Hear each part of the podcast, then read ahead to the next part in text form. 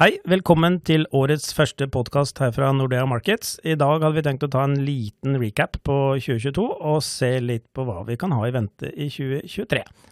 Følg med!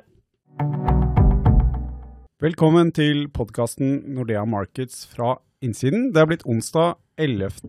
januar, årets første podkast i 2023. Jeg heter Lars Mørland. Jeg har med meg som vanlig Kjetil Olsen. Uh, og Kjetil, fjoråret uh, det var jo startet jo med fortsatt med pandemi. Det er lett å glemme nå. Men så ble vi veldig raskt ferdig med pandemien og kom over i en helt annen fase. Ja, det tok jo ikke lang tid før vi både her hjemme og ute egentlig hadde det helt motsatte problemet og gikk fra ledige ressurser til stor mangel på nesten alt. Etterspørselen kom tilbake med et bang. Det var jo egentlig ganske forventa. Um, mangel på arbeidskraft um, og økt prisvekst. Ja. Det var på en måte um, Var det ett ord som uh, kanskje sto i fokus i fjor, så var det inflasjon. Ja, og den, det var jo forventa at den skulle liksom Vi så jo allerede i 2021 også en del vareinflasjon som kom opp, som var type pandemirelatert, men det vi så at det bredde seg veldig ut i løpet av 2022. Um, også på tjenestesider, hotell, restaurant, you name it. Um, det ble forsterka så klart også av en kraftig økning i strømprisene og gassprisene i Europa uh, i og med krigen i Ukraina. Um, men, men, året ble jo uh, vi, vi, traff jo på retning, tror jeg, sånn cirka. Men uh, som alle andre så bomma vi nok på farten og styrken i, i, i både renteoppgang og prisvekst, vil jeg si. Ja, fordi uh, sentralbankene responderte jo etter hvert uh, med veldig kraftige rentehevinger og hyppige rentehevinger. Størrelser som vi ikke har sett på mange, mange, mange år. Og som du sa, inflasjonen ble også veldig mye høyere enn vi venta, og alle andre venta, egentlig. Og det dro jo med seg også langrenter kraftig oppover, og noe som igjen skapte problemer for andre aktiva. Vi så jo aksjemarkedet gjorde det svakt, boligmarkedet begynte å skrubbe osv. osv. Men nå er vi på starten av et, et nytt år, og um, vi regner jo ikke med at uh, historien blir akkurat den samme uh, i år. Sentralbankene har hevet rentene mye.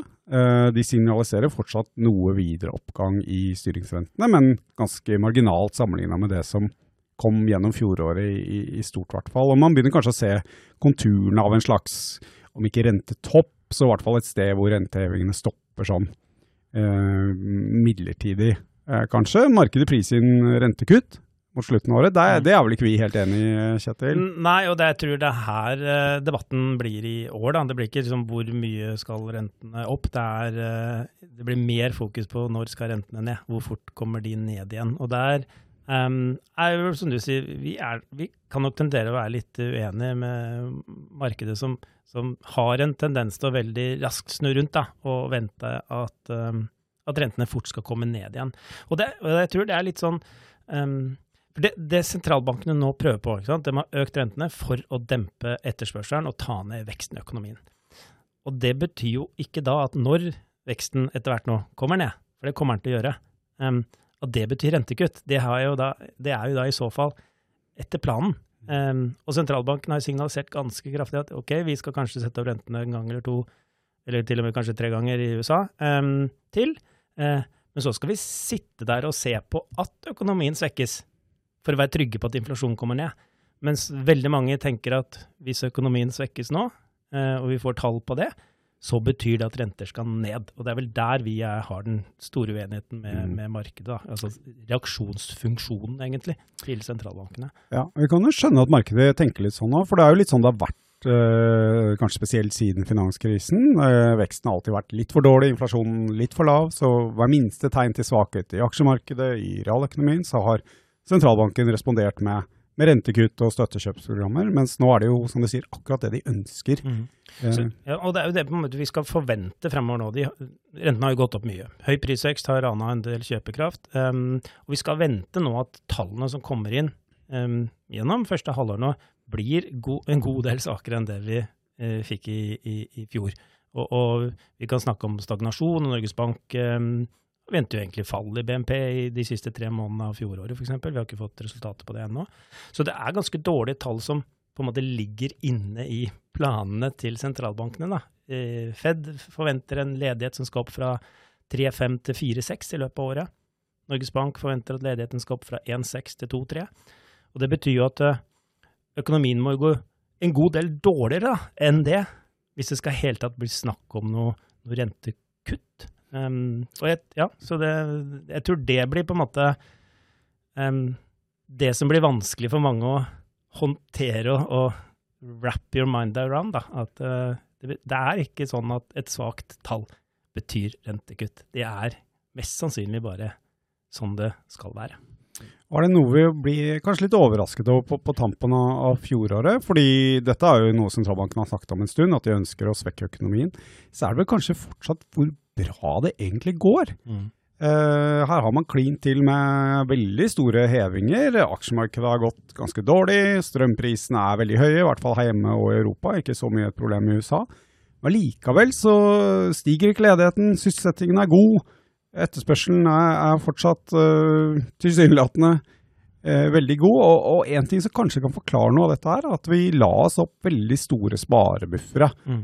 Uh, under pandemien. Og nå ser vi at det er noen som skriver og, og, snakker om at nå er disse bufferne brukt opp, men den kjøper vel ikke vi helt? Nei, de er, de er jo ikke brukt opp i det hele tatt, vet du. Det, uh, det er to ting som skjer nå. Det ene er at uh, sparingen kommer ned fra ekstremt høye nivåer. Og det bidrar jo til å glatte ut liksom forbruket. For selv om da inntektene kanskje går ned, det at du sparer mindre i makro, gjør at forbruket kan holdes oppe. Um, og det andre, sånn innom, disse bufferne som er blitt bygd opp, de er ganske enorme. Um, og nei, det er ikke sånn at de er blitt brukt opp. Det eneste som har skjedd, er at vi kanskje ett kvartal har spart litt mindre enn det vi pleier å gjøre. Uh, mens hele bufferen den står der fortsatt. Og de er ganske store. Ja, for du hadde sett på noen tall her, Kjetil. og Var det normale tilfeller så sparer vi rundt 100 milliarder kroner i året, sånn give or take, i, ja. i Norge? Ja, det er sånn det har vært de siste fem, seks, sju åra før pandemien, ja. Mm. Mens under pandemien så har vi eh, spart veldig mye mer. Ja, hvis du bare trekker fra hva vi pleide å spare før pandemien, og det vi sparte i pandemien, så har det hopa seg opp nesten 300 milliarder kroner. 295 milliarder kroner eh, ekstra buffer. Um, og det siste tallet for sparingen vi har er for Q3. Da sparte vi i sum ca. 10 milliarder, mot normalt ca. 25 milliarder i kvartalet. Da. Um, så da har du sånn sett da brukt 15 milliarder av utover normale mønstre. Men 295 minus 15 er ikke null, det er 280. Så det er fortsatt uh, mye igjen? Ja. Uh, og noen av de pengene finner vi igjen i bankinnskudd. Der står det om lag 120 milliarder mer for norske husholdninger. Mer enn normalt ville vært. Mm. Uh, vi har også sett bank fondssparing uh, har vært veldig høy under pandemien. Mm. Så om lag 100 milliarder har forsvunnet inn der òg. Så vi finner igjen mesteparten av disse pengene. Og mm. vi tenker nok at her kommer folk til å bruke opp litt mer av sparepengene. Som sier normale ville jo, eller normale, men, men, det ville ikke vært unaturlig om man på en måte dro litt ned på sparingen.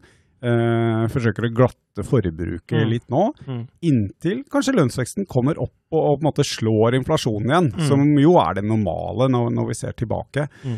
Og Det leder oss inn mot neste punkt, som er årets lønnsoppgjør, som blir veldig spennende for, for rentesettingen og selvfølgelig for, for, for folk flest.